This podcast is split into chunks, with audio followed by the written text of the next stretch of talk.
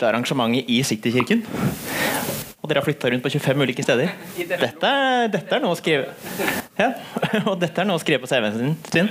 Dette skal jeg fortelle barnebarna mine. Eh, hjertelig takk for invitasjonen. Det er kjempekjekt å være her. Eh, som du sier at Det blir jo en del sånn type arrangementer, men det er faktisk ikke så ofte at eh, kirker de arrangerer denne type ting. Så det er veldig flott, og ikke minst at dere har skapt en så fin ramme rundt det. Det tror jeg på en måte alle setter pris på. at det skal ikke så mye til, men bare det for få popkorn og et glass når man kommer i døra, det får en liksom til å føle seg velkommen. Og så kan liksom dere sitte her med popkorn og se på meg. Jeg føler meg som om jeg er et kinolerret. Eh, nær sagt. Eh, og ikke minst at dere Det er masse mennesker, og det er, det er søren meg lørdag kveld. Jeg liksom bare tenker at har ikke, har ikke dere noe bedre å gjøre enn å sitte og høre på en kjedelig fyr som prater om kjedelig filosofi i en times tid, eh, og ser åssen det går. For jeg skal prate om skeptisk til Guds eksistens. Eh, Så kommer jeg litt nærmere inn på hva, hva som menes med det. Eh, Og Du snakker om dette her at eh, ja, man tenker liksom at de kristne eller de religiøse er noen som tror på noe. Men kanskje at alle egentlig tror på noe.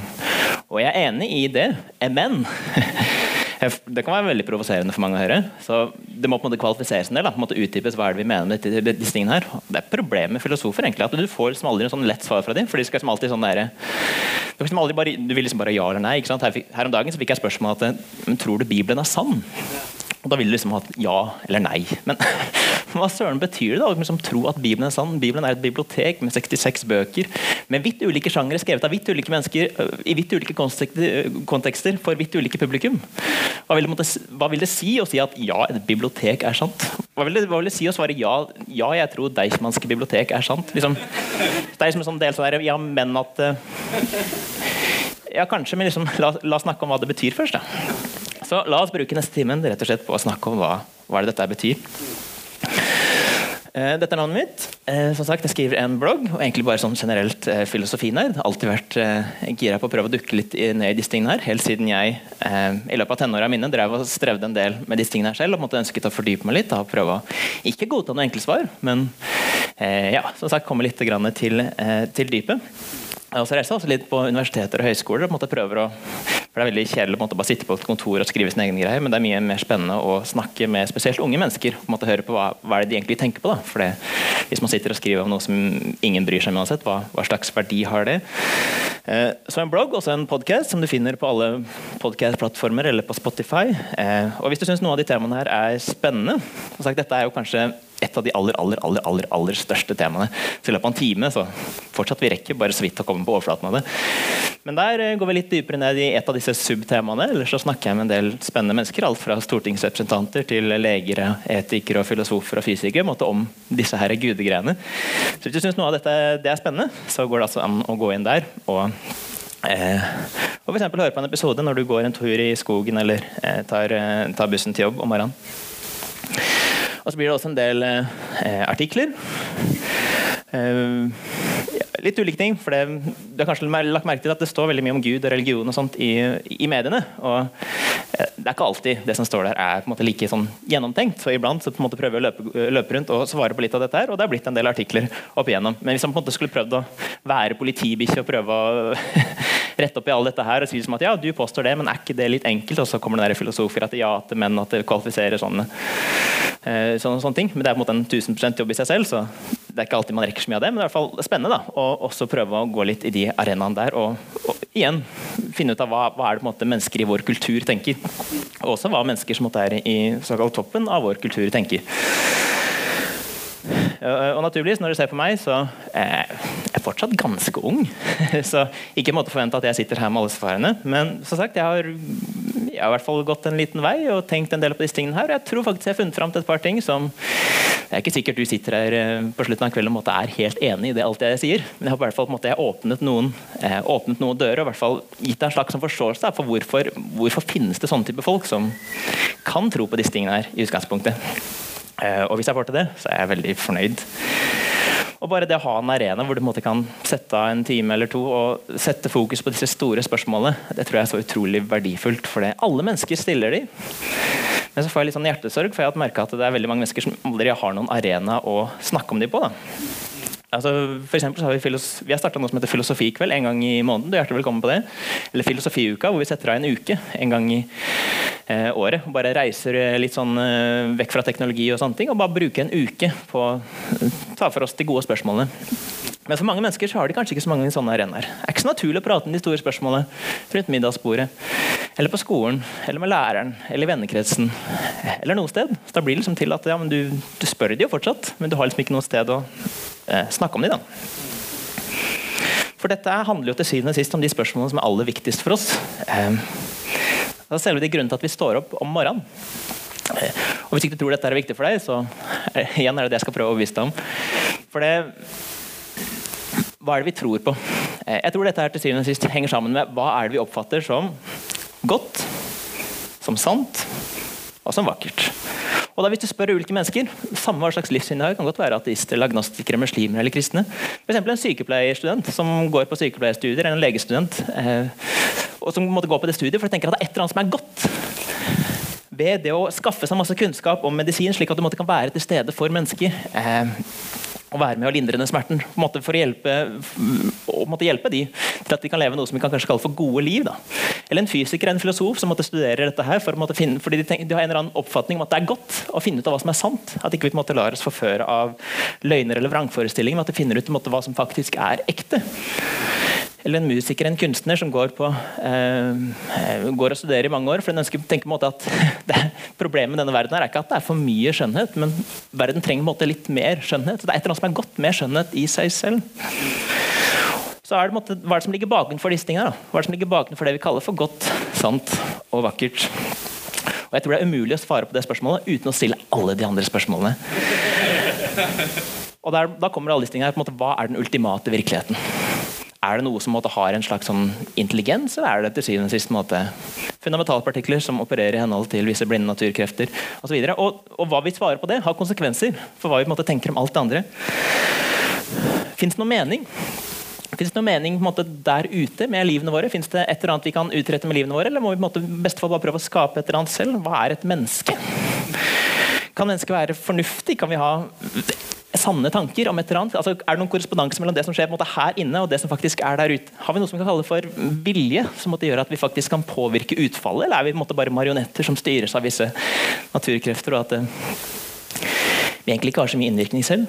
Fins det noe vi kan kalle for godt og ondt, eller bedre og verre, hvor vi på en måte kan stå på den gode sida og prøve å skape ting til å være bedre? Hvor vi kan være i 'Ringenes herre' og kjempe for lyset, hvor vi kan være i Narnia og kjempe med løven, hvor vi kan være i 'Harry Potter' og kjempe med Harry Potter? at den der Forestillingen om at det fins et lys og et mørke, og denne forestillingen om at det fins et godt, godt og ondt, ligger så dypt i oss at den kommer gjerne til uttrykk i eh, romaner. Men er det noe ekte, eller er det bare noe vi finner på? Og ikke minst finne sannhet. Ikke minst i vår tid så er det kanskje et uh, mye vanskeligere spørsmål å svare på enn man skulle trodd. For det Folk tenker liksom at ja, men Mennesker som påstår at de har sannheten, det er ofte veldig farlige mennesker. For det er måte, mennesker som ja, skaper konflikter. og sånne ting. Så Derfor så måte, bør vi være litt sånn åpne og avholdende med å påstå at noe er sant. fordi vi, da, da lukker vi så mange dører, osv. Og, og så kommer vi til dette spørsmålet. Finnes Gud? Og hvorfor er det et viktig spørsmål? i hele tatt? tenker du kanskje? Altså, Hva i alle dager har Gud med disse andre tingene her å gjøre? For det ja, spiller det en rolle? Jeg tenker Det kjipeste svaret å få hvis du spør et menneske liksom om de har noen mening om Gud, er ikke at eh, Gud, ja, men jeg tror ikke på Gud, eller Gud eksisterer ikke. Ja, det er greit. Da, måte, da kan vi ha gang i en samtale. Men det kjipeste svaret å få er jeg bryr meg ikke. Kanskje Gud er, kanskje Gud er ikke, men det spiller ingen rolle. Så Det første spørsmålet vi kanskje må stille er hva ligger i potten? Altså Hva er på en måte innsatsen vår? når vi skal forsøke å besvare dette her. For hvis, hvis, innsatsen er veldig lav, så gidder vi kanskje ikke å bruke så mye tid på dette. her. Hvis, liksom du, har, hvis du har eh, gått inn på Betson og vedda ti kroner på en kamp, så er det liksom sånn at du sitter i selskapet og måtte, driver og sniker ned til mobilen og følger med på VG Live og ser hvordan det går med den kampen, og jubler når laget ditt skårer og eh, depper når eh, det andre laget skårer. Det er bare ti kroner uansett. Hva hvis innsatsen er høy, da? Hva om dette gudespørsmålet faktisk berører alle? Og da mener jeg alle de tingene vi bryr oss om. Hva om innsatsen faktisk er alt vi har? Og disse debattene som ofte dukker opp på sånn Facebook, Dagbladet eller Twitter, og lignende, de er ofte på en måte veldig kjedelige, fordi de tar for seg spørsmål som gjerne er helt fullstendig irrelevante. Og når jeg snakker med ateister, så et av de første spørsmålene jeg måtte spørre, er Kan ikke du beskrive for meg denne guden du sier at ikke du tror på? Og jeg har funnet at I 99% av tilfellene så kan jeg gjerne si til slutt at flott, det tror ikke jeg på heller. Det kunne jeg ikke trodd på, for det der det gikk noe mening. Jeg tror et av de verste tilfellene vi vi har et konsept som heter Grillen kristen, som bare er at man setter seg et panel foran masse mennesker og sier at eh, velkommen, nå kan dere stille de vanskeligste spørsmålene dere uh, vil. Og For et par år siden på realfagsfakultetet på Blindern så var det en som, stilte, som rakk opp hånda, så spurte han men hva skal vi gjøre når vi, måte, når vi som mennesker kan erstatte alle de tingene som vi, vi trodde at Gud gjorde? Så spurte jeg hva, hva mener du med det? Måte, alle de tingene som Gud gjorde? Jo, liksom når mennesker kan fly rundt i verdensrommet og terraforme planeter og måtte tilrettelegge for liv. For Det viste seg at hans forståelse av Gud var nesten som en sånn superhelt som måtte fløy rundt i verdensrommet. Der, liksom skapte en planet der, boom, skapte en planet der, boom, og så måtte lage noe nytt. Problemet er at det er ingen sofistikerte gudstroende tenkere som noensinne har sett for seg Gud på denne måten. Så måte, Hvis vi skal snakke om Gud, da, så må vi først måtte, finne ut hva, hva er det som står på spill, og hva er det egentlig vi snakker om. Så jeg måtte velge i kveld. Eh, skeptisk til Guds eksistens. altså Jeg kunne jo måtte, gjort det enkelt for meg selv og bare prøvd å presentere et slags sånn gudsbevis. Eh, som vi kaller det. Eh, I Grillen kristen så skriver jeg 'Kan Gud bevises?' Eh, og mitt svar er ja, men det er også et ja, men. det kommer an på hva du mener med det. Så jeg tror på en måte at Da kan vi brukt en hel time, men vi måtte også måtte satt oss inn i masse sånn teknisk sjargong og måtte prøvd å forstå hva som faktisk menes med de ordene som brukes, og hvordan dette her i det hele tatt er ment å fungere. Vi kan gjerne prate om det i spørsmål og svar, men jeg tror det ville rett og slett blitt en ganske kjedelig time. For det gudsbevis er veldig misforstått i vår tid.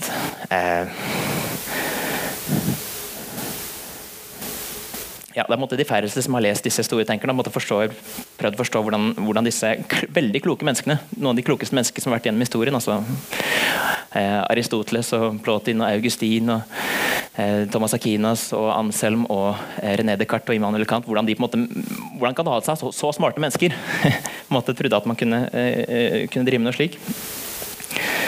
Så blant annet en sånn vanlig karikatur som du finner ikke bare, ikke bare, i Dagbladet eller i Facebook, men til, og med hos måte, sofistikerte filosofer er for at gudsbeviset går sånn at alt, alt, har en årsak. Derfor er Gud årsaken. Og Det finnes måte, innføringsbøker til religionsfilosofi, f.eks. Robin Le, Lepodevin. Eh, og måte, folk du tenker på en måte er sofistikerte. Problemet er at ingen sofistikerte tenkere tenkere har noen gang gitt det argumentet, for det ville vært idiotisk. For Hvis du sier at alt har en årsak, så bare, kan du bare svare at ja, men da må Gud også ha en årsak. da. Det er ikke det som er påstanden. Og, og, igjen, Ingen har gitt dette argumentet. her. Ikke Aristoteles, ikke Plotin, ikke Maimonides, ikke Avicenna, ikke Averøs, ikke Anselm, ikke Akinas, ikke noen av disse andre. Det er faktisk en filosof som heter Norris Clark som måtte ha prøvd i det hele tatt og skrevet en egen artikkel om hvor denne myten oppsto fra. i utgangspunktet. For Man gjør det liksom veldig lett for seg selv når man setter opp en såkalt stråmann. Der er det veldig lett å skyte ned. Men jeg tror det finnes veldig mange gode gudsbevis der ute. Jeg tror også at de krever veldig mye å i det hele tatt forstå eh, i sin egen rett. Så da er det kanskje bedre å Jeg har skrevet om noen av de på bloggen min, for så vidt. Eh, men det å på en måte lese en bok da, for å måtte prøve å forstå det i sin, eh, i sin fulle kontekst, osv. Så, så det andre jeg tenkte jeg kunne gjøre, er heller å prøve å overbevise dere om hva som faktisk står på spill. Eh, og ta, prøve å ta diskusjonen ned på et dypere nivå. Da. For da unngår vi den her 99% offentlige samtale som måtte snakker om noe som jeg egentlig ikke synes er så veldig interessant. Altså, eh, er det Gud eller er det gravitasjonskraften som er den beste forklaringa på dette naturlige fenomenet? her? Ja, men, den guden jeg tror på, er ikke en, måte, en gud som er innafor naturen og på en måte er ment til å forklare eh, naturlige fenomener i utgangspunktet. Så jeg skjønner ikke hvorfor vi skal diskutere dette. her. Vi måtte ta det ned på litt dypere nivå, da, sånn at vi faktisk kan ha spennende relevante samtaler om disse spørsmålene. Og så måtte jeg se hva som står på spill. Og med meg på laget så har jeg en ateist, eh, og kanskje den største ateisten av de alle, Friedrich Nietzsche.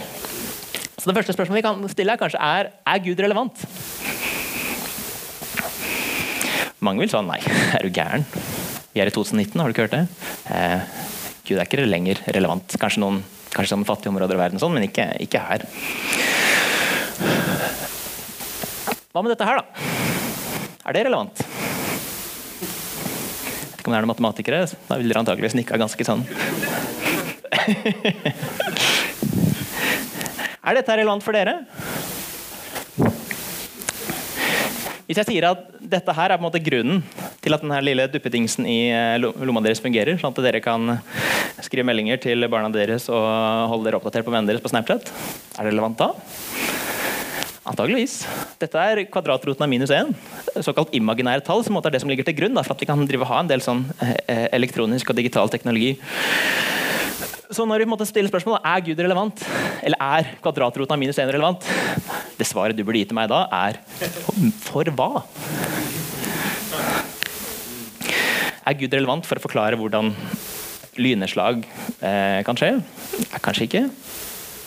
Men kanskje for noe annet. Så det kommer an på hva spørsmålet er. For det, Hvorfor skal vi tro på noe i det hele tatt?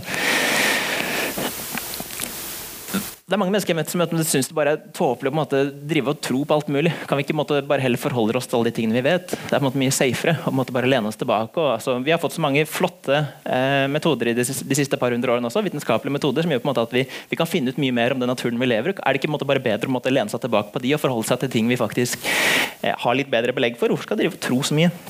Ikke minst har det sånn forståelse at ja, tro er noe religiøse gjør. Det er på en måte underlikt. Tro er på en måte en sånn fravær av viten eller kunnskap. Du sier gjerne at ja, men hvis jeg hadde visst det, så hadde du ikke hett tro. Så Du på en måte setter egentlig opp sånn tro og fornuft, eller tro og viten som en slags sånn motsetninger, og så braker de mot hverandre. Liksom, og Det var på en måte det jeg ofte ble fortalt. er at uh, når jeg lurte på om jeg kunne kalle meg for en personlig kristen. det hele tatt, at uh, Da må du velge. Enten så må du liksom gå i kirka og kaste hendene i været og føle, og sånne ting, eller liksom, ellers kan du gå inn i laboratoriet og kikke i mikroskop eller teleskop og finne ut hvordan ting egentlig henger sammen. Det blir kanskje fortalt at ja, tro, er sånn, tro er sånn ekstra sann som kristne innbiller seg at de har for å vite ting de egentlig ikke vet, sier Peter Bogosian. Problemet er at ingenting blir sant fordi vi, bare fordi vi tror. Jeg kan tenke at etter, etter, dette her så hadde det vært veldig fint at om bare senga mi hjemme hadde vært, vært full av godteri når jeg kom hjem. Så jeg kan gå rundt her så kan jeg på en måte prøve å få meg selv til å tro på det. Joakim, det er det, Joakim, det er sant, Joakim, det er sant, Joakim, det er sant. Men det er jo ikke sånn det fungerer. For jeg vet jo innerst inne at det her stemmer jo ikke. Og jeg har ingen grunner til å tro på det. Så hvis jeg, hvis jeg først skal tro på noe, så må det være den andre veien. Fordi jeg har gode grunner til å holde det for sant. For eksempel, hvis kona mi hadde ringt meg her og nå og sagt at uh, Joakim, jeg vet at du er ute nå, og så hadde jeg lyst til å overraske deg, så jeg bare lagt masse godteri på senga. ok, vel, Nå har jeg i hvert fall noen grunner til å tro at det er sant. Antagelig hadde jeg først spurt at, ja, hvorfor i alle dager la du godteri på senga. Kunne du ikke bare satt i et skål eller et eller annet? Liksom, det er mye mer naturlig, men jeg har i hvert fall hatt noen grunner til å tro at det var sant. En slags sånn vitnesbyrd. En slags sånn, i hvert fall, forklaring om at uh, eller så kan vi stille spørsmålet andre og si at hvordan kan noen ikke tro? Fordi jeg vet at i Norge i dag er det veldig vanskelig å forestille seg hvordan noen mennesker kan tro på Gud. i det hele tatt. Men hvis du måtte se på historien, hvis du måtte se på menneskeheten litt sånn videre, så er det ganske tydelig at vi er i mindretall. For det virker som at 99% av måte, alle de menneskene som noen gang har eksistert, måtte ha hatt en eller annen slags fornemmelse om at vet du hva, når jeg ser på denne naturen, når jeg ser på denne fysiske materien, så dette er ikke alt. Det står noe mer bak. Det står noe guddommelig. Og selvfølgelig alle har ikke vært kristne, men de måtte prøvd å finne ulike navn på det. For å prøve å fange det guddommelige som ikke lar seg fange i nord, men prøve å gjøre det likevel. Så da måtte vi som er i mindretall, så kanskje vi må stille oss selv det spørsmålet hvordan kan vi ikke tro? Hvorfor er det så vanskelig for oss? Jeg møter ofte mennesker som syns det er håpløst å tro på en guddom i 2019. Og jeg tror på en måte at spørsmålet er helt oppriktig. Jeg tror ikke liksom jeg er en sånn her eh, quip for å prøve å sette meg fast eller prøve, prøve å gjøre narr av meg. Men jeg tror på en måte det er helt oppriktig at, og til og med noen kunne sikkert ønsket å tro. Hadde det ikke vært flott hadde ikke vært flott om det måtte stå et eller annet større bak universet. Og i hvert fall denne kristenhistorien om at dette er større, bare blei menneske. Og så sa han noen ord, og så daua han, og så sto han opp igjen. Slik at vi, når vi en dag dør, ikke skal dø, men faktisk eh, fortsette i fellesskap med, eh, med opphavet til universet selv. Hadde ikke vært fint. Jeg tror det er mange som oppriktig kunne håpe at det var sant. Men hvis du ikke har noen grunner for å tenke det, så forstår jeg også at det er veldig vanskelig. Hvis ikke har noen grunner for å tenke at det er godteri på senga hjemme, så veit Jeg kan prøve å lure meg selv så lenge, men til slutt så må jeg liksom bare gi opp. Man har jo på en måte lyst til å være ærlig, ikke sant? Og kanskje det er et eller annet med på bakgrunnsfortellinga i kulturen vår som gjør det vanskelig. For, det, for, For, måte, for 500 eller for 1500 eller for 2500 år siden eller på, måte, på andre steder av kloden så virker det på en måte at Gud er mer sånn selvfølge. Eller i hvert fall det er mer sånn selvfølge. Liksom, så når to mennesker møtes på markedsplassen, så Du sitter liksom ikke og har argumenter. Du sitter liksom ikke og har sånne kvelder som dette her, hvor du skal prøve å debattere eller prøve å argumentere for hvorfor det i det hele tatt er en gud. Men det er liksom en slags sånn her, det er bare en sånn default. Det er liksom bare noe som ligger som et bakteppe for samtalen. Eh, det er på en måte bare en, en sånn underbevisst tanke da, om, om, eh, om, den virkeligheten vi lever i. Ja, sånn er det. På samme måte som vi kanskje tenker at ja, men selvfølgelig finnes det naturlover som måte, eh, i en, forstand, en eller annen forstand måte, forklarer ting som skjer, naturlige fenomener som skjer her i naturen. Det er ikke sånn at vi går rundt og tenker så veldig mye på det. Det er liksom bare en sånn bakgrunns, det er på en måte bare en del av bakgrunnsteppet da, når vi går rundt og snakker med hverandre.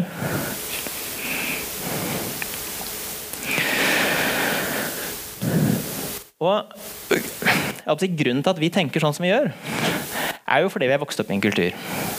Altså, det er ikke så mange av tankene våre som egentlig er våre egne. Let's be real. Altså, men veldig mye har å gjøre med oppdragelsen, veldig mye har å gjøre med kulturen, veldig mye har å gjøre med omgivelsene våre osv. Og, og da har det seg sånn at mennesker som levde for lenge siden, for 1000 eller 700 for 300 år siden, de tankene de på en måte begynte å tenke det er årsaken til at vi tenker de tankene vi gjør i dag. Mennesker vi antakeligvis aldri har hørt om. Mange av oss aldri har hørt om William Ockham eller Duns Scotus eller Thomas Aquinas eller Thomas Hobbes eller John Locke eller Francis Bacon eller Machiavelli eller Spinoza eller Descartes eller Hume eller August Comte. Jeg har aldri hørt om disse tingene her, men likevel så måtte de tankene vi har i dag om hvordan naturen fungerer, for eksempel, eller hva et godt samfunn er, eller hvordan politikk burde fungere, det er på en måte et direkte resultat av at det fantes mennesker som gikk før oss, som tenkte tanker. Og de tankene ble på en måte til eh, akseptert visdom, og så drev filosofen diskuterte de, og så måtte renner de ned i andre fagfeltene. Så Derfor er det, måte, det å vokse opp i Norge i 2019 det måtte forme bakgrunnsteppet vårt. og det måtte forme de der selvfølgelighetene vi har, som måtte vi nesten bare ta for gitt. Så hvorfor var det så mye lettere for de som levde for lenge siden? Er det fordi vi bare fant ut veldig mye mer enn de? Og i så fall, hva var det egentlig vi fant ut? Kan noen sette fingeren på det? Hva er det vi fant ut?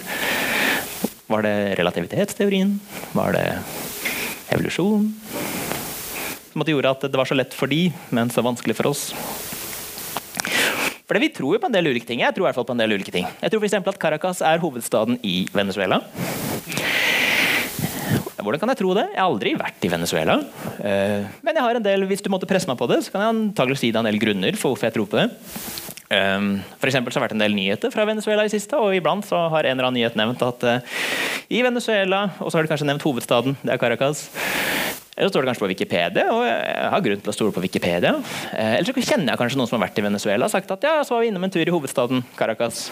Jeg stoler jo på de, så jeg hadde ha grunner til å tenke det. Eller så kanskje jeg har en globus hjemme, og det er sånn her firkant som måtte indikere at Caracas er hovedstaden her, og ikke bare en vanlig by. Jeg, hvis du måtte presse meg på det, så kan jeg gi deg ganske mange grunner, selv om ikke jeg har vært der selv og måtte sett og hørt og kjent og alt dette her. Jeg tror at eh, toget kommer til tida, stort sett. NSB-toget. Eller Vy, som det nå heter.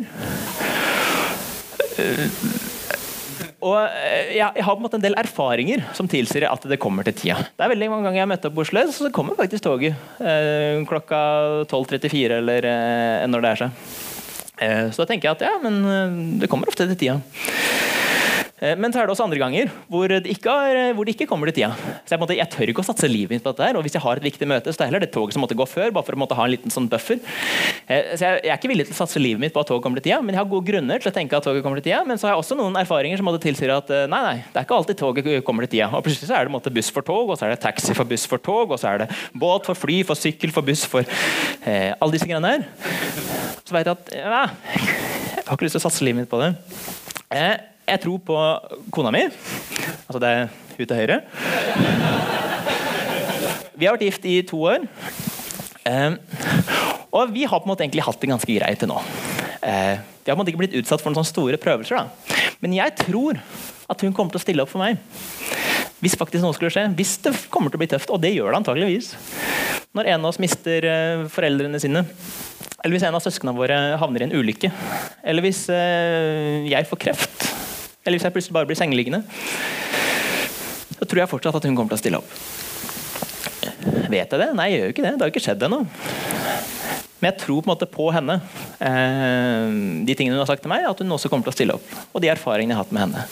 Og kanskje tro er litt feil ord her, egentlig. Kanskje tillit er bedre. Men kanskje ordet tillit også er bedre når det kommer til Gud. Pistis er jo det ordet som gjerne brukes i Nytestamentet, og det kan ofte bedre oversettes med tillit til Jesus. Så tro og tillit er ikke alltid en sånn klar distinksjon der. For du kan si at ja, men det er jo lett for deg. Liksom. Du selvfølgelig tror du på kona di. Altså, du kan jo se henne. Kan jo, jeg kan jo ikke se Gud, f.eks. Da vil vi kanskje igjen gå litt dypere og finne ut ja, men hva, hva mener vi egentlig med det. Kanskje, kanskje, det er sant at ja, men jeg ser ikke Gud, men kanskje det også er sant at pga. Gud så kan jeg se alt annet. Så hun, Det er gjerne hun som bærer meg hvis det er, hvis det er noe som skjer. Eh, den bikkja derimot tror jeg ikke noe på. Eh, altså vi bor, jo, vi bor jo i sentrum av Oslo, så vi tenker som at ja, det er fint å måtte ha en vaktbikkje eh, som måtte kan si ifra hvis det kommer noen innbruddstyver eller et eller annet. Eh, men hvis det faktisk hadde kommet noen og brutt seg inn, så er det jo veldig mye mer sannsynlig at den bikkja bare hadde hoppa opp og sleika den tyven i ansiktet, enn at den faktisk hadde varsla eller prøvd å jage den ut. eller sånt. Og selv når den ikke er valp lenger, så tror den fortsatt at den bare kan hoppe opp på fanget. som jeg har ikke skjønt det der at, man faktisk blir større i morgenene osv. Så, så den bikkja er stokk dum, så den har jeg ingen tro på. hvis det skjer noe, så kommer ikke den til å stille opp. Jeg kan, jeg kan, ønske å tro at jeg var statsminister. Nå er det jo valg snart, og jeg er ganske fornøyd med Erna. Synes jeg er flott. Men jeg tenker liksom at hvis jeg hadde vært statsminister, da skulle jeg fikse alt. Det skulle blitt bra. Eh, så er det samme greia at ja, men jeg kan, måtte, jeg kan, gå rundt Jeg kan gå rundt og måtte tro at jeg er statsminister. Jeg kan gå rundt på gutterommet mitt eh, hjemme og skal liksom prøve å få fram den følelsen litt sånn med godteri. At ja, men Joakim, du er statsminister. Joakim, du er statsminister. Joakim, du er statsminister. Joakim, du er statsminister. Men et eller annet sted så må jeg antakeligvis bare gi tapt. For jeg veit jo innerst inne at det her stemmer jo ikke. Eh, jeg er ikke statsminister, og det her er faktisk ikke et ekte bilde engang. Det er bare hodet mitt eh, klippa inn på kroppen til Erna Solberg. Neste lørdag blir det sånn Photoshop-workshop her, så da skal jeg lære deg hvordan dere gjør det. Så til slutt så må jeg liksom bare gi opp. Men så er det andre ting vi kanskje tror på. Eller som vi sier at vi tror på, f.eks. at 2 pluss 2 er lik 4. Ja, men det er ikke riktig å si at jeg tror på det, for det, det, er på en måte så sikkert for meg at jeg klarer ikke å tvile.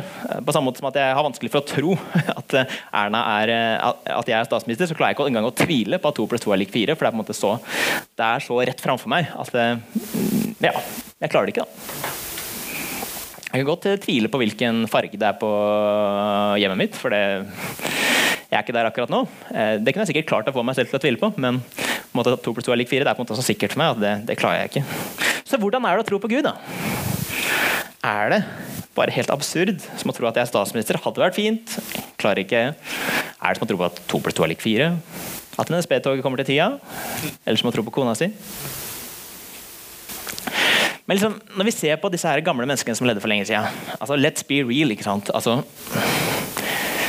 var ikke de bare dumme? Så vi vi veit jo veldig mye bedre nå. for det virker liksom som at De bare tok alle de tingene som var ukjente, de tingene de ikke forsto, og så bare sa liksom at ja, det er et eller annet som har med guddommer å gjøre. Det var liksom lyn og torden, ja, det var en eller annen gud som er sint på oss. for det, nå har vi gjort et eller annet galt, ikke sant? Og så er det jordskjelv, ja, men det er fordi en eller annen guddom som er sint på oss. Selv om det er gode avlinger eller om det er dårlige avlinger. Det handler liksom, Har vi ofra nok til Gud denne høsten, eller har vi ikke? Eller har vi ikke? Men i dag så vet vi jo veldig mye bedre. Vi vet jo at uh, lyn og torden det handler jo mye mer om uh, elektromagnetismen. Det handler om, uh, handler om guddommer. Og jordskjelv handler også om måte, tektoniske blader som driver og støter sammen. Og gode avlinger og dårlige avlinger handler veldig lite om hvor mye vi ofrer. Og veldig mye å gjøre med kvaliteten på såkorn, jordsmonn, sur nedbør. Masse ulike faktorer. Så Hvis Gud er så ubrukelig at han ikke engang klarer å forklare torden, hva skal vi da med han? Ikke minst har du også hørt at liksom, det har vært en krig mellom kirke og vitenskap. For Kirken jo, har jo alltid hatt veldig mye makt. Men så fins det noen mennesker i middelalderen som som sier at nei, nei, nå har jeg ikke bare lyst til å høre på kirken lenger, men jeg har faktisk lyst til å prøve å finne ut av ting selv. Jeg har lyst til å se, se gjennom et teleskop og prøve å observere. Men da blir, som, blir Kirken kjempesint. ikke sant? Og liksom at nei, nei, slutt, slutt, slutt med det. Fordi de fant ut at hvis folk begynte å tenke selv, så kom jo de til å miste makt. Det var det jeg hørte nede på videregående. at det var sånn det, sånn det hang sammen. Og jeg hadde jo ikke lyst til å være på, en måte, på kirkesida av den debatten. der, Jeg hadde lyst til å være på de som faktisk ønsket å finne ut hva som er sant. Eller disse her såkalte nyatistene.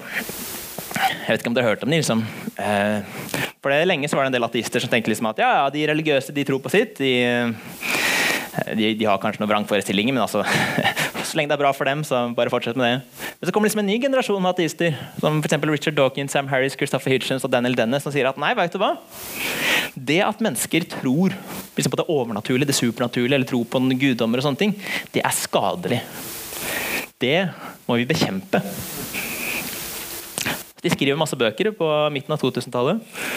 Rett og slett for å prøve å vise da, at, uh, at dette ikke går an for fornuftige mennesker i vår tid, som forholder seg til fornuft og vitenskap. Og Sam Harris han sier det at religious faith is on the wrong side of an escalating war of ideas. Så er det sant at gudstroende måtte de hadde sin time to shine der tilbake i historien en eller annen gang.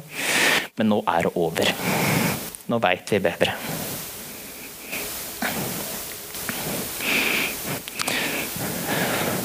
Kommer Friedrich Nietzsche, da, vet du. Jeg minner om at jeg jeg har ikke, jeg har ikke så veldig mye respekt for disse såkalte nyateistene.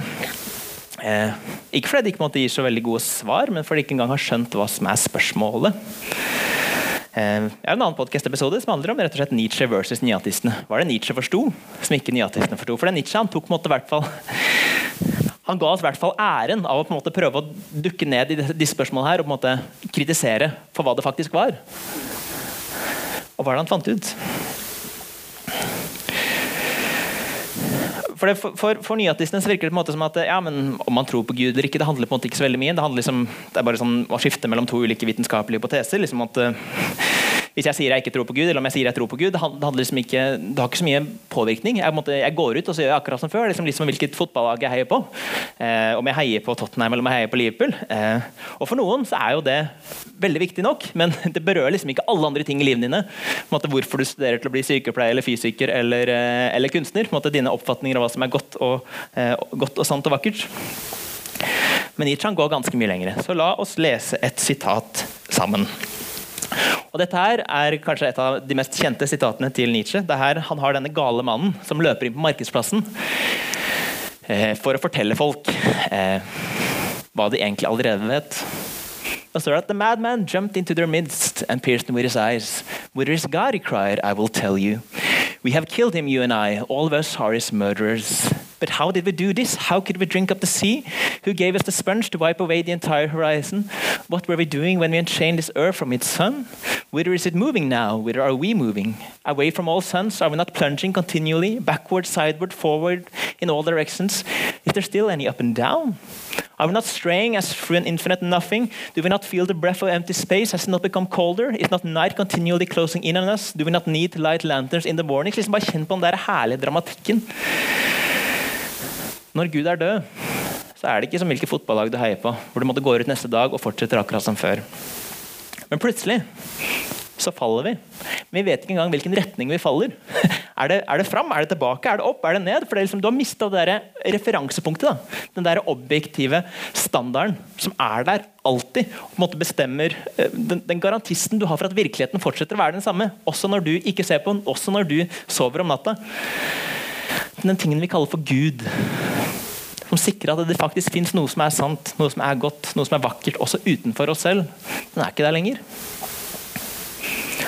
Ok, Hva skal vi gjøre, da? Do we hear nothing as yet of the noise of the grave diggers who are burying God? Do we smell nothing as yet of the divine de decomposition? God's too decomposed. God is dead. God remains dead, and we have killed him. How shall we comfort ourselves, the murderers of all murderers? Is not the greatness of this deed too great for us? Must we ourselves not become guards simply to appear worthy of it? There has never been a greater deed, and whoever is born after us, for the sake of this deed, he will belong to higher history than all history hitherto. Så Nietzsche sier rett og slett, altså Han skriver på en måte i Tyskland på slutten av 1800-tallet, men han sier rett og slett at dette her er det største som har skjedd i historien. Han sier det som ateist. Og han sier litt ikke sånn letthet og liksom bare si at yes, endelig er vi kvitt Gud og kan liksom gå ut og kjempe for et bedre samfunn med vitenskap og fornuft. og alle disse tingene her. Man liksom sier at Når Gud er vekk, så faller alt sammen. For da, hele idésystemet vårt, hele filosofien vår, hele vestlige filosofihistorie er på en måte bygd sentrert rundt den tanken om at det fins denne garantisten i midten. Men det kan vi ikke ta for gitt lenger. Vi må bygge alt på nytt. Så hva skal vi gjøre? spør Nietzsche.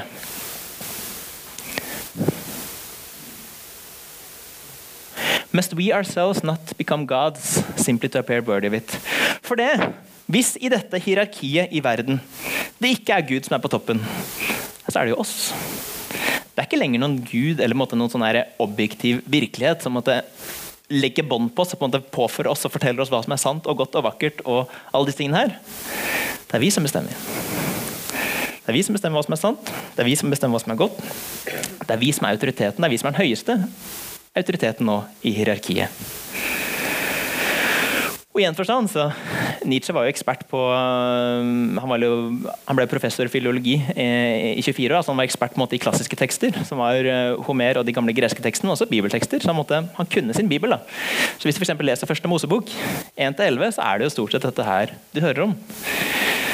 Kanskje enda mer enn å på en måte insistere på diskutere lenge hvorvidt dette her faktisk skjedde eller ikke. Så er på en måte dette her bildet på hvordan menneskeheten er Adam og Eva, Babels tårn, Kain og Abel, syndefloden. Så er det bare sånn, mange nye fortellinger da, om Gud som sier 'Hei, jeg er Gud. Dere er mennesker'. Men mennesker som gjør opprør og sier at 'Nei, vi vil være guder. Vi vil bestemme'. Og så går det gærent. Og så er det det samme om igjen. Og så er det samme om igjen. Og så er det samme om igjen. Det er på en måte i en forstand tenker jeg Både første Mosebok da, og Friedrich Nietzsche her måtte fortelle noe veldig dypt om menneskets tilstand. Om vår natur, om vår underliggende psykologi om hva vi ønsker, om hva vi blir fristet av å være guder.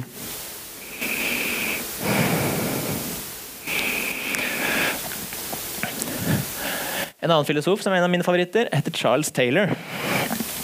Uh, han skrev en bok som heter A Secular Age. Den er på sånn ca. 900 sider. sånn skikkelig sånn her murstein. Uh, så Hvis du måtte gå hjem fra Oslo by uh, seint på kvelden, så er det kanskje greit å ha med deg den som slagvåpen for å forsvare deg. Uh, jeg har den faktisk i sekken der, for jeg skal også hjem her uh, seint på, på, en lørdag. Men han er, på en måte kjent som en av våre, han er kjent som antageligvis vår største ekspert da, på hva, hva vil det si at vi lever i en sekulær tid. Vil det måtte si at vi har lagt alt av religion bak oss og forholder oss nå til fornuft og vitenskap, eller vil det si noe litt annet? Jeg tenker at En av de viktigste eh, en av de viktigste tingene Taylor forteller i denne boka, her, er at mennesket er et historiefortellende vesen. Altså Vi forholder oss til såkalte metanarrativ. Ikke bare narrativ, ikke bare historier, men også metahistorier. Og det har vi vært. Helt siden vi har beretning om de første menneskene som satt rundt leirbålet og fortalte hverandre historier. Og, eh, og Hvis noen måtte spørre deg hvem du er, da, så begynner ikke du å liste opp med masse sånne datapunkter. At eh, jo, jo, jeg er så så høy, jeg veier så så mye, kroppen min består av så så mye natrium, så så mye jod, så så mye sånn, så så mye sånn. Hvis du på en måte skal fortelle om hvem du er, eller hvem din familie er, eller hvem din kultur er, så vil du antakeligvis begynne å fortelle historier. Noen historier om hvor du kommer fra. Noen historier som måte, sier et eller annet om hvem du er nå, og gjerne noen historier måte om hvor du ønsker å gå hen. Men ikke bare det. da. De historiene er også gjerne en del av en sånn større historie. såkalte metanarrativ. Altså, vi liker å se vår egen historie inn i en større historie. For Hvis dette her er bare meg, så blir det litt sånn kjedelig. Men hvis jeg på en måte tar del i en sånn større historie, så blir det fort veldig spennende. Og hvis du skal skrive deg selv inn i en større historie, så ønsker du gjerne å være på lysets side. ikke sant? Du ønsker å skrive deg selv inn på den sida som kjemper for det gode. I klimakampen så er du selvfølgelig på den sida som, eh, som, som, redder det. Hvis du forteller om 'Ringenes herre', så er du selvfølgelig på den sida. Hvis du forteller om Harry Potter, så er du selvfølgelig på den sida. Du ønsker alltid å skrive deg selv inn på den gode sida.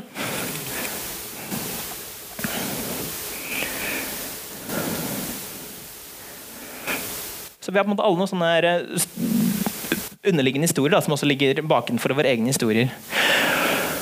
Og eh, Den kristne historien eh, var rådende ganske lenge, og den, den kjenner vi. Den er på en måte den samsvarer måte, med, med, hvordan vi opplever virkeligheten.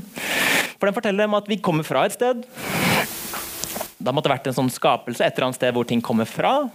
Eh, den forteller oss om at noe er galt. Og det merker vi alle. Alle som sitter her, merker det. At det er et eller annet ved den tilstanden, det er et eller annet ved den virkeligheten her, det er et eller annet ved det livet vi lever nå, hvor vi merker at ting er ikke som det skal. Hvis ikke du merker det, så lyver du for deg selv. Det er et eller annet som ikke er som det skal. I det kristne metanarrativet så er det syndefallet. Men så skjer det også et eller annet på den historien at eh, det kommer på en måte et sånn vendepunkt. Og sier at du er ikke bare kasta ned i håpløsheten, men det skjer også et vendepunkt. Jesus kommer inn i historien. Plutselig så tegner han et bilde av at frelse og en bedre fremtid er mulig. Det er den tredje, og så er den fjerde og den siste. Og det er en, eller annen forståelse om at det finnes et paradis. Det finnes et eller annet sted der framme hvor ting kommer til å bli bra.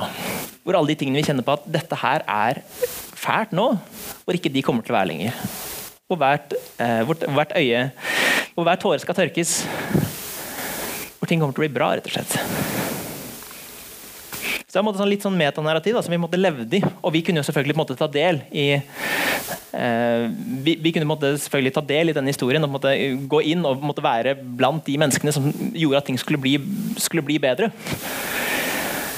Og måtte si at ja, paradis er også, eller Guds rike er også allerede her nå. Og vi skal være med å bringe det. Derfor så bygger vi, derfor vi klostre som fungerer som lokale sykehjem og sykehus. Derfor så bygger vi universiteter hvor mennesker kan finne ut hva som er sant. Men når du forkaster det kristne narrativet, så er det ikke sånn at mennesker bare plutselig blir uh, brains on a stick, som måtte forholde seg til datapunkter. Men ofte så trenger du på en måte da noen sånn surrogathistorier. Og, og, og, de historiene ligner ganske ofte. For så finnes det Dette gjelder selvfølgelig ikke alle, men enkelte sekulære eller Enkelte ateister har på en måte en sånn historie om at, uh, som egentlig er ganske lik. Som måtte fortelle et eller annet med at uh, Vi kommer fra et sted, vi mennesker kommer fra et sted. Et eller annet sted på, på kjeden så har vi blitt utvikla til den nåværende arten som, som vi er nå. Eh, og jeg har ikke noe imot evolusjon. Det er, liksom, det er hele historien. da. vi har utvikla den arten vi er nå. Men så er det også et eller annet som forklarer at ting kunne vært mye bedre enn det de var nå, men det er det ikke. Det kommer et slags sånn syndefall inn i historien, og for dem så er det at jo, det er religion og overtro som kommer inn. Og religion og overtro det legger bånd på mennesker eh, og ideologi og gjør at det blir voldelig og gjør at ikke de tenker så fornuftig som de kunne gjort, slik at vi sammen kunne kommet sammen og, og tatt gode valg i henhold til fornuft og vitenskap. Men heldigvis så kommer det, noe, det kommer et vendepunkt inn i historien. Og det er opplysningstiden. Eh, et eller annet sted på sånn 1700-1800-tallet så er det en masse mennesker som plutselig tenker at hei, hva tenker dere gutta? Skal vi, skal vi, bare slutte å Kanskje vi ikke bare skal høre på det disse gamle folka sier, men kanskje vi skal begynne å tenke selv? For det, har visst folk aldri gjort før på 1700-1800-tallet. Eh, og måtte finne fram til svar på egen hånd. Og så mm, får vi fram disse vitenskapelige metodene som gjør at vi kan utforske naturen systematisk osv. Og vips, så kan vi peke veien i hvert fall, mot en framtid hvor hver tåre skal tørkes, og hvor religion og overtro ikke er noe mer fordi mennesker forholder seg ikke til vrangforestillinger, men ting som vi har gode grunner til å holde for sant. I henhold til våre beste empiriske metoder. Og noen tar den jo helt ut. ikke sant? Du har kanskje hørt om såkalte transhumanister som måtte bare se for seg at eh, teknologien skal gå enda lenger videre, slik at til slutt så kan vi laste opp bevisstheten vår inn i en sånn sky, inn i en cloud, eh, og leve evig på den måten. Eller i hvert fall til, eh, hvert fall til solsystemet vårt går inn i varmedød, men vi får i hvert fall noen ekstra milliarder år, og det er fint for meg.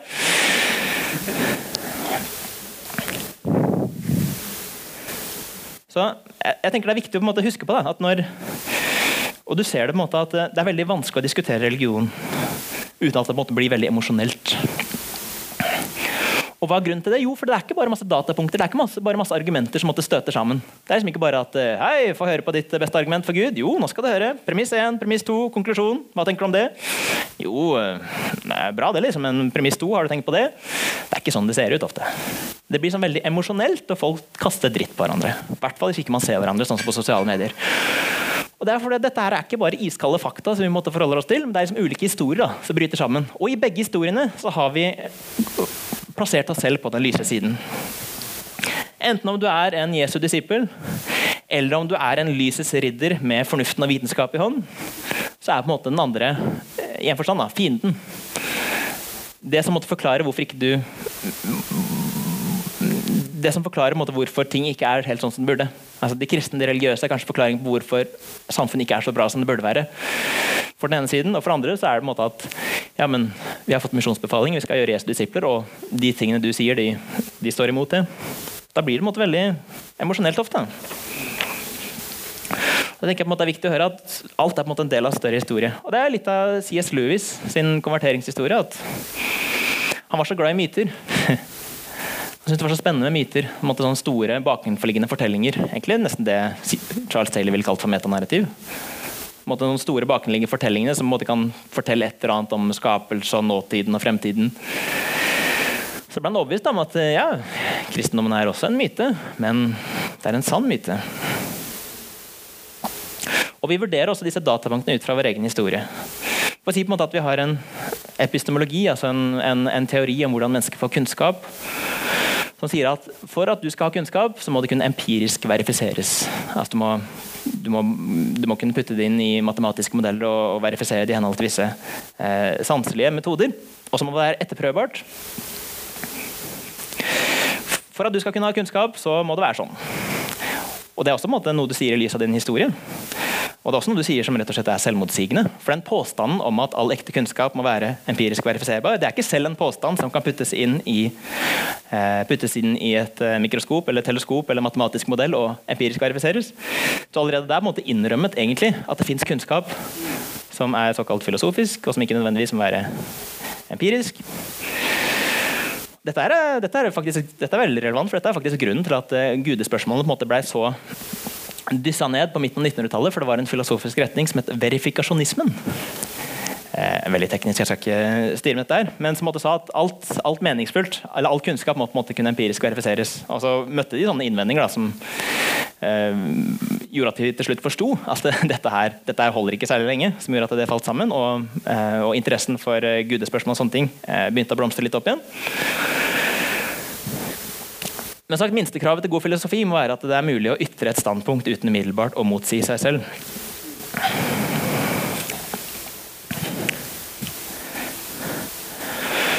For sagt, Det Nietzsche forsto, er at når Gud er død, så forandrer det alt. Mens måtte nyatistene bare vil cruise videre og si at ja, Gud er død, men vi skal fortsette å kjempe for fornuft og etikk og vitenskap og alt som er godt, som tilfeldigvis alt det jeg liker, så er det, vil Nietzsche si, fordi de bare lever i Buddhas skygge. Det er en gammel sånn mytefortelling som sier at når Buddha døde, så satt Buddha i sånn der eh, lotusstilling eh, foran en vegg, så at sollyset måtte komme bak han, og så ble det kasta inn mot veggen. Eh, og da på en måte når Buddha døde og på en måte falt ned, så fortsatte skyggen å være der på veggen ganske lenge. I flere hundre år etterpå. Forteller historien. Og dette, dette er, måte, bruker Nietzsche også, sier at uh, God is dead, but as the human race is considered there will perhaps be caves for millennia yet where people will display shadow. Vi kan godt si på et eller annet sånn intellektuelt plan at ja, vi tror at Gud er død. og Det merka Nietzsche også, at de tyske intellektuelle på slutten av 1800-tallet kanskje på et eller annet intellektuelt plan mente at Gud var død. Problemet var at de, fort, de gikk ut like etterpå og fortsatte å leve som han faktisk var der. De gikk ut og så levde de som at naturvitenskap finner ut av ting som faktisk er sanne. Eller filosofi går ut og finner ut av ting som faktisk er sanne. Eller går ut og måte, kjemper for ting som faktisk er godt. Og måte, lever som om det fins en virkelighet som samsvarer med sannhet, godhet, skjønnhet der ute. Utenfor oss selv. Det er Guds skygge, det er Buddhas skygge, som fortsatt måte, bare kastes over samfunnet vårt. Da. Og Fra dette perspektivet så vil jo da gjerne Nietzsche for si at nesten alle, er, nei, nesten alle nordmenn er fortsatt kristne. For det, det de går rundt og tror på om godhet, sannhet og skjønnhet, det at de mener i seg selv at det er godt å kjempe for kloden vår, kanskje til og med til et nivå hvor uh, ja, hvor vi skal vurdere å måtte senke vår egen befolkning for å få det til. At det måtte er noe godt i seg selv da, ved å faktisk uh, redde kloden vår. Måtte, alle, alle, sånne ting er på en måte sånn ulike spor av at folk fortsatt lever i Guds skygge. Og det at folk lever på en sånn måte og tror på en sånn måte, det veier mye tyngre enn at de kanskje ytrer den ene påstanden. Eksisterer Gud? Ja eller nei? Nei. Ja, men det livet du lever, det veier mye tyngre enn det nei-et du gir der når du blir spurt.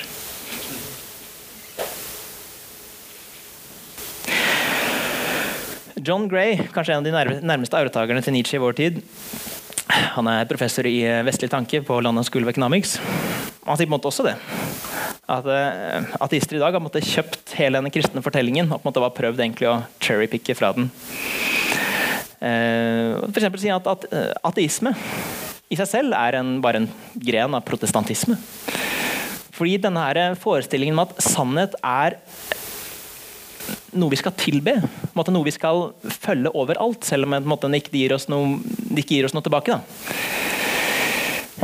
Hvis du ser i menneskehetens historie, så er ikke det en tanke som gir veldig god mening. Altså, du kan godt si at på, på de greske akademiene sånn 400-500 år før Kristus, hvor måte, noen få mennesker som måte, hadde råd og tid til å ikke jobbe på marken for å forsørge familien sin, kunne både komme sammen der og snakke om høye tanker og prøve å finne fram til hva som er sant, med Sokrates, Platon Aristoteles og den type ting. Men kristendom er noe annet, sier Nietzsche. Det er platonisme for folket, og derfor så forakter han det. Fordi Kristendommen forteller at uh, dette er ikke bare noe som er tilgjengelig for de folkene i akademiet, for dette er veldig fåtall av befolkningen. Men det er noe hele befolkningen kan leve for. Og de kan tilbe sannhet. Hvorfor? Jo, fordi det kom inn en person i historien som sa, at, ikke, som sa ikke bare at sannhet er en fin ting, og det er bedre å tenke at Paris er hovedstaden i Frankrike enn at uh, Nis er det. Så dere burde tenke det. Men så er rett og slett at jeg er veien, sannheten og livet. Sannheten fanges i en person. Jeg skal ikke si så mye mer om Jesus, for det skal dere ha de neste to gangene. Bare for å måte, prøve å trekke litt linjene og se hvor det her kommer inn. da. Og denne tanken om at det faktisk skjer noe progresjon i historien. At ting går mot noe bedre. For hvis du sier at altså Bare det ordet progressiv Ordet progresjon forutsetter at det fins et mål. At ting beveger seg mot noe bedre. Men hvis vi skal si at ting beveger seg mot noe bedre, så må vi også si at ja, det fins en standard som vi måler ting ut fra. Hvor vi kan si at det er bedre og det er dårligere. På samme måte som at Hvis jeg stiller meg opp ved siden av en av dere, finner ut av hvem, hvem av oss er det som er høyest, jo jeg er høyere eller jeg er lavere, så må det finnes en standard som vi kan referere til, som er referansestandarden høyde. For Hvis du ikke har den, hvis ikke det er en slags sånn ekte ting da, ved den virkeligheten vi lever i, så er det veldig vanskelig å måte, sette den ene over den andre. Eller eh, måtte si at sånn er det.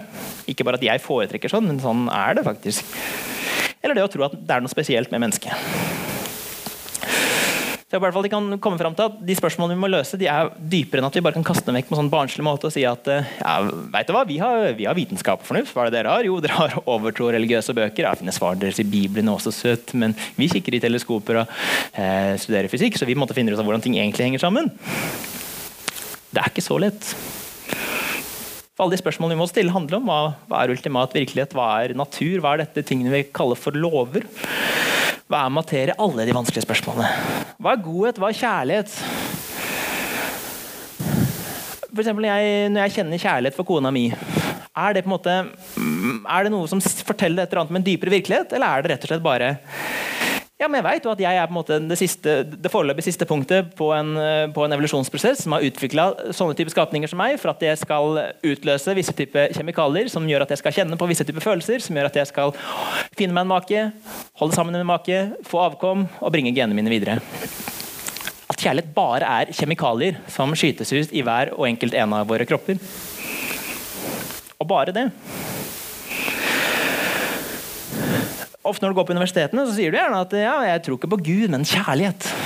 Kjærlighet er det på en måte som skal bringe oss sammen. Kjærlighet er det som skal skape en bedre verden. Kjærlighet er det vi må kjempe for. Ja, ok, men er det ikke sånn at din virkelighetsforståelse hvordan, eller hvordan tillater din virkelighetsforståelse deg å tenke at kjærlighet er noe mer enn kjemikalier som utløses i kroppen din eh, i henhold til visse stimuli som du opplever fordi du er utviklet på en sånn, sånn type måte? Hvordan kan du si at kjemikalier er løsningen? Hvordan kan du si at kjemikalier på en måte er det som skal bringe oss sammen? Eller kan det også være at kjærlighet forteller noe dypere om virkeligheten? Jeg tenker i hvert fall at uh, Når studenter på universitetet sier at ja, kjærlighet er på en måte det som skal bringe oss sammen, så er de veldig nære. Og rett og slett si at kjærlighet er Gud. Eller si som det står i det er vel i 1. Johannes brev, at Gud er kjærlighet. At ja, ja, Kjærlighet er selvfølgelig kjemikalier som gjør på en måte at vi kjenner på de tingene vi gjør, men det er også noe mer. Det er også noe som forteller på en måte noe om den underliggende virkeligheten som vi alle beveger oss i. Du må ikke velge, det er ikke enten-eller. Og på samme måte med godhet. da. Hvis jeg på en måte ser en mor som elsker barnet sitt, eller om jeg ser en far som slår barnet sitt, og så kjenner jeg positive opplevelser når jeg ser moren som elsker barnet sitt, og så kjenner jeg vonde følelser når jeg ser en far som slår barnet sitt. Er det fordi det er noe faktisk godt eller noe faktisk ondt eller noe faktisk bedre eller noe faktisk verre ved de handlingene? Eller er det bare rett og slett at jeg har ulike preferanser? Eh, og, og, Da er det måte, veldig vanskelig for meg å komme, komme ut og si måte, at eh, vet du hva, kan ikke du slutte med det der, for det, det, er, det er ikke i henhold til mine preferanser. Hvorfor skal du bry deg om det? Kanskje han sier at jo, men eh, ut ifra mine preferanser så er det flott å slå barna sine, for da på en måte lærer de. Da, da får du litt disiplin. Så er det noe vi kan si på en måte om noe godt og noe ondt eller noe bedre eller noe verre? Folk sier ofte at jeg tror, jeg tror på godt og ondt, men ikke sånn absolutt godt og absolutt vondt, for det er sånn religiøst. Ja, hva er forskjellen, da? Uansett så må det måte, er spørsmålet fins det noe i virkeligheten selv som måtte rettferdiggjøre at noe er godt og ondt. På Grelen kristen så var det også en som spurte meg at eh, kan ateister være gode mennesker. Ja, selvfølgelig. Jeg kjenner jo på en måte mange ateister og mange muslimer og mange andre som måte lever liv som jeg bare nesten kunne drømme om, og som gjør ting som jeg bare beundrer dem for. Det er ikke det som er spørsmålet. Spørsmålet er på en måte om gitt en sånn type virkelighetsforståelse, kan man da på en måte rettferdiggjøre at det fins noe som samsvarer med godhet? Som at det ligger der i virkeligheten og nesten venter på oss? Det er denne type spørsmål vi må stille. Og med mening. Fins det noe faktisk mening? Slik at Når jeg lever livet mitt, så kan jeg oppdage mening, og jeg kan måte, velge ulike veier i livet mitt i henhold til hva som er meningsfullt. Eller er mening bare noe jeg må skape selv? Det er vel et av Human-Etisk Forbund sine eh, slagord. At eh, nei, skape mening, skape mening til ditt eget liv. Hva betyr det å skape mening til sitt eget liv? da? Altså, og ikke minst, Hva vil det bety å skape mening til sitt eget liv dersom ikke det måte samsvarer med noe som er virkelig, noe som er der ute? For da har jeg et annet ord på det. Ting som du på en måte bare utvikler inni ditt eget hode. Og det er gjerne fantasi. Hvis jeg skulle bli far en dag, så jeg er helt sikker på at det vil, det vil oppleves som veldig meningsfullt for meg å være far. Selv om jeg da ikke kan skrive så mange bøker eller blogg, blogginnlegg eller uh, podkast og, og, og, sånne ting. Og det i en forstand kanskje egentlig hadde virka som veldig bortkasta, så er det et eller annet for den farsrollen da, som måte, er sånn dypt meningsfullt. Er det fordi det faktisk er noe med hvordan virkeligheten er innretta, hvordan naturen er innretta, som gjør at den også bærer med seg en sånn normativitet, en slags sånn verdi. Eller er det bare rett og slett noe jeg har skapt selv? Ja, jeg vet jo at det eneste grunnen for at jeg tenker at det er meningsfullt å være far, er fordi jeg forteller det til meg selv. Men er det ikke også litt da sånn at da For det, alle disse tingene er jo grunnen til at jeg står opp om morgenen.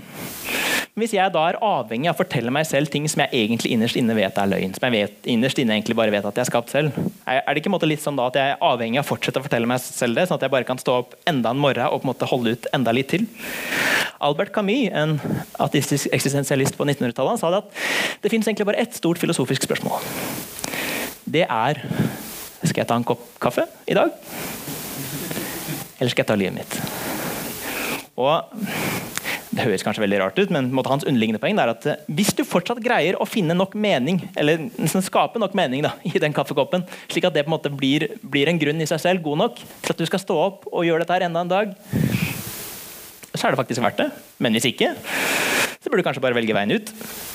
Friedrich Nietzsche var ganske kynisk på det og sa liksom at når mennesket ikke er produktivt lenger, nok lenger, så gjør det samfunnet en tjeneste ved på en måte ta nødutgangen. da. Og alle her inne vil nok antageligvis tenke intuitivt at det er, noe, det er noe dypt galt ved den tanken. Men vi må også greie å sette noen ord på hvorfor er det det. Jeg er snart ferdig nå, men jeg skal bare snakke litt om Hva med sannhet, da? Nietzsche igjen sier at ja, det fins ikke noe sannhet som er der ute, det bare fins perspektiver. Det fins ikke, ikke, noe 'sånn er det', men det fins bare jeg som, jeg som, tenker, du som tenker, du som tenker, du som tenker. du som tenker. Og Hvis vi er mange nok som tenker det samme, så blir det kanskje en sånn form for enighet. men vi er enige ikke fordi noe er sant, men bare fordi vi på en måte nesten litt sånn tilfeldig tenkte de samme tingene. Hva med, og hva med sånn type bevissthet eller fornuft i det hele tatt? Hva med alle tingene som skjer her inne? Min evne til å finne ut av hva som er sant? Hva med alle de tingene som skjer her inne, på en måte bare er bare er eh, fundamentale partikler som driver og støter borti hverandre i henhold til visse fastbestemte naturlover som ikke kunne brydd seg mindre om oss? Hvordan kan jeg da si at dette verktøyet her, det kan, eh, det kan bruke vitenskapelige metoder og det kan bruke filosofi og på en måte finne ut av ting som er sant, av noe som er ekte om de tingene som er der ute? Hvordan kan jeg si det? Fordi de tingene som skjer her inne, er jo ikke fundamentalt annerledes fra et steinras. Altså, de samme naturkreftene som kaster steinras ned fjellet, kaster også ting inne eh, rundt her, her oppe.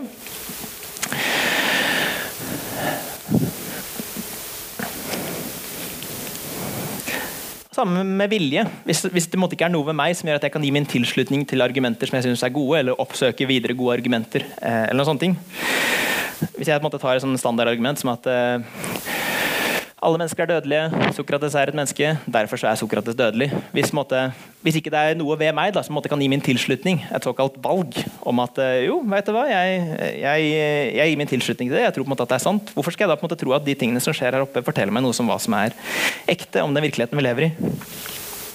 Bevissthetsfilosofi var noe av det som gjorde meg interessert i filosofi. i utgangspunktet, for Det er på en måte et eller annet ved hvert fall bevisstheten som gjør at denne moderne materialistiske forklaringsmodellen eh, strekker til veldig kort. Og Hvis du, hvis du noen gang hører, at, uh, hører, noen mennesker si at vet du hva, nå er vi veldig nærme i å finne ut av hvordan bevissthet kan være, eller finne ut av hvordan fornuft kan være, eller finne ut av hvordan vilje kan være, så lyver de. I filosofien har vi aldri vært lenger borte.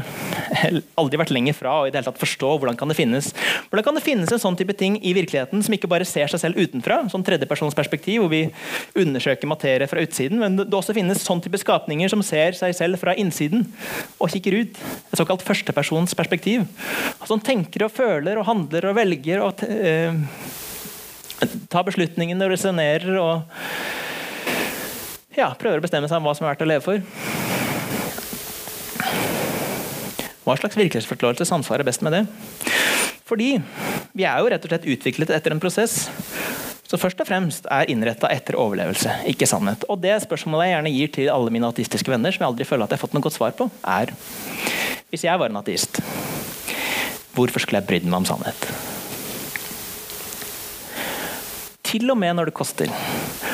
Fordi den type skapning jeg er, og det tror jeg virkelig, er først og fremst utvikla etter en prosess som har overlevelse som sitt hovedmål. Og sannhet er i beste fall kanskje noen ganger et sånn sekundærmål. Kanskje sannhet om sånne enkle ting om, eh, om eh, ja, om denne planten er giftig eller ikke, eller om det er et rovdyr som står foran meg eller ikke. Men ikke sånn sannhet om sånne dype konseptuelle ting. Altså, Eh, halvparten av filosofer som har levd gjennom historien, har måtte vært veldig sånn sære mennesker som gjerne har eh, dødd single, fordi det er ingen som orket å være i nærheten av dem, for de var så veldig sære. Så det er på en måte sannhet som et sånt mål i seg selv. Da. Selv når det koster, selv når det koster komfort. Det er mye forskning som for sier at det å være religiøs, det skaper mer eh, Det bidrar til økt lykkefølelse enn å ikke være religiøs. Og Da kan du si at ja, det er bare fordi de lever i sånn selvbedrag. Ok. Hvorfor skal du ikke leve det selvbedraget, da? Hvorfor er sannhet så viktig at du måtte, til og med er villig til å bytte bort lykke, komfort? Ofte så er det sånn at evolusjonsprosessen rett og slett utvikler oss i henhold til å tro på ting som ikke er sant. Nettopp fordi det øker vår overlevelsesverdi. Så hvor kommer den ideen fra? i hvert fall? Det er jo det minste spørsmålet vi må stille oss. Hvor kommer den ideen fra om at sannhet er på en måte vårt øverste mål? Fordi dette er på en måte basis for all filosofi og alle argumenter. Så før vi snakker om noe annet, så må vi liksom, i hvert fall ha noen grunn til å tenke at vår fornuft eller våre argumenter eller vår evne eller vår motivasjon til å finne sannhet i en eller annen forstand er til å stole på. Og kanskje det aller vanskeligste av alle hva er eksistens? For det er noen ting er vi bare så vant til. Det går vi ikke rundt og tenker på så veldig mye. Altså, tenk på barn. Tenk så fantastisk det kunne vært barn din. For barn bare løper rundt, og alt for dem er på en måte helt sånn nytt. Så De måtte løpe rundt og skal finne ut av ting, de skal ta på ting, de skal lukte på ting, de skal se på ting. Og så prøver du å holde dem litt igjen, ikke sant? sånn at de ikke skal begynne å ta for mye på stikkontakter. og den type ting. Men for dem så er på en måte alt nytt, og alt er spennende. Men etter hvert som de vokser opp, så er det ikke sånn lenger. For de blir vant til ting. Ja, ting bare er oksygen tenker ikke så mye på oksygen i det daglige. Men plutselig så begynner vi å nærme oss toppen av Mount Everest, og plutselig så tenker vi ikke på annet enn oksygen. Ting er på en måte så nær oss da, at noen ting er så nær oss at vi på en måte ikke vi bare vokser så inn i det at vi nesten ikke legger merke til det engang. Hvordan er eksistens mulig? Det er en del av de som, og det er en, det er en del av de tradisjonelle gudsdemonstrasjonene tar utgangspunkt i. Hva er de nødvendige forutsetningene for eksistens? Så i hvert fall Hvis du skal prate om Gud, så gjør den i hvert fall respekten av å snakke om Gud som de store teistiske tenkerne tror på. En Gud som er eksistensen selv.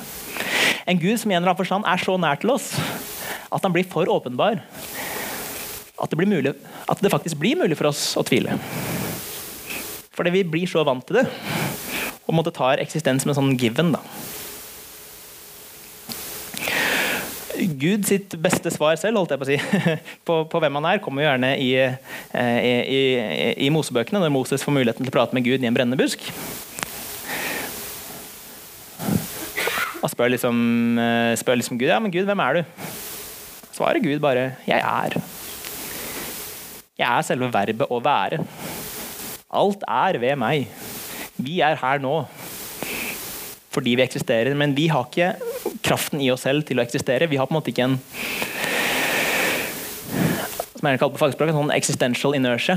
Vi har på en måte ikke den eh, iboende evnen til å eksistere i seg selv. Så i hvert eneste Det er i hvert fall det man lærer hvis man, hvis man forholder seg til det her, at i hvert eneste øyeblikk så henter vi all vår potensial til å eksistere fra den Gud som er eksistensen selv, og som måtte vi deltar i, da, eller vi låner av, eller kall det hva du vil. Veldig teknisk, veldig kjedelig. Vi kan heller komme tilbake til det. Og selvfølgelig, når du måte, nå forstår vi kanskje litt mer av hva Nietzsche kritiserte. at vi, vi kan kanskje ikke bare fortsette å leve som alt er før, men alle disse vanskelige spørsmålene må vi stille helt på nytt. Og så må vi finne fram til antageligvis litt sånn alternative forklaringsmodeller hvis vi helst skal prøve å komme oss opp fra bakken. Og da er det selvfølgelig lettere å bare lene seg tilbake til et narrativ og måtte si at ja, men dere er religiøse, dere liker sånne religiøse bøker og hører på mennesker med skjegg. Forteller dere hva de skal gjøre. Men uh, hallo, jeg bruker fornuften. Og jeg forholder meg til naturvitenskap. Jeg finner ut selv. Det er ikke så lett. Så når vi måtte komme forbi den samtalen, da, så kommer vi kanskje i hvert fall ned til de litt mer spennende samtalene. Til hva slags virkelighet er som samsvarer, med, samsvarer best med disse tingene her. Ser at tida mi løper ut, så jeg bare hopper litt kjapt over disse siste slidene.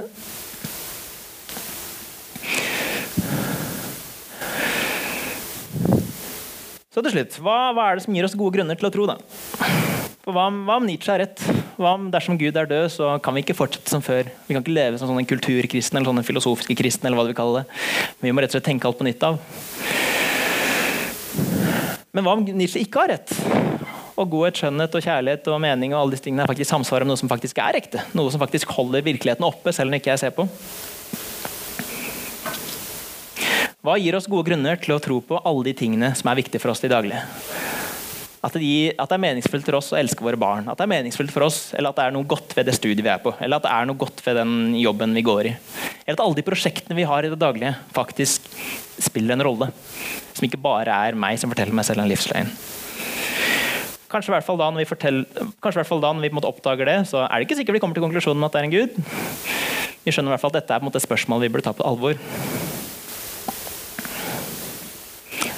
To kjappe sitater til slutt. Chesterton. For Hvorfor kan du ikke bare ta alt dette her fine, og så kan du bare la Gud uh, slippe ut bakveien?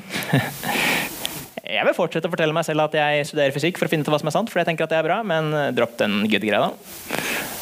Chesterton ble spurt om dette her, en, en, en flott forfatter på starten av 1900-tallet. Why cannot you simply take what is good in Christianity, what you can define as valuable, what you can comprehend, and leave all the rest, all the absolute dogmas that are in their nature incomprehensible? This is the real question. This is the last question, and it's a pleasure to try to answer it. The first answer is simply to say that I'm a rationalist. I like to have some intellectual justification for my intuitions. If I'm treating man as a fallen being, it is an in intellectual convenience for me to believe that he fell, and I find, for some odd psychological reason, that I can deal better with a man's exercise of free will if I believe he has got it. det er bedre for oss å fortsette å leve for de tingene vi mener er verdt å leve for, hvis det faktisk finnes en slags sånn intellektuell eh, fundament da, for det.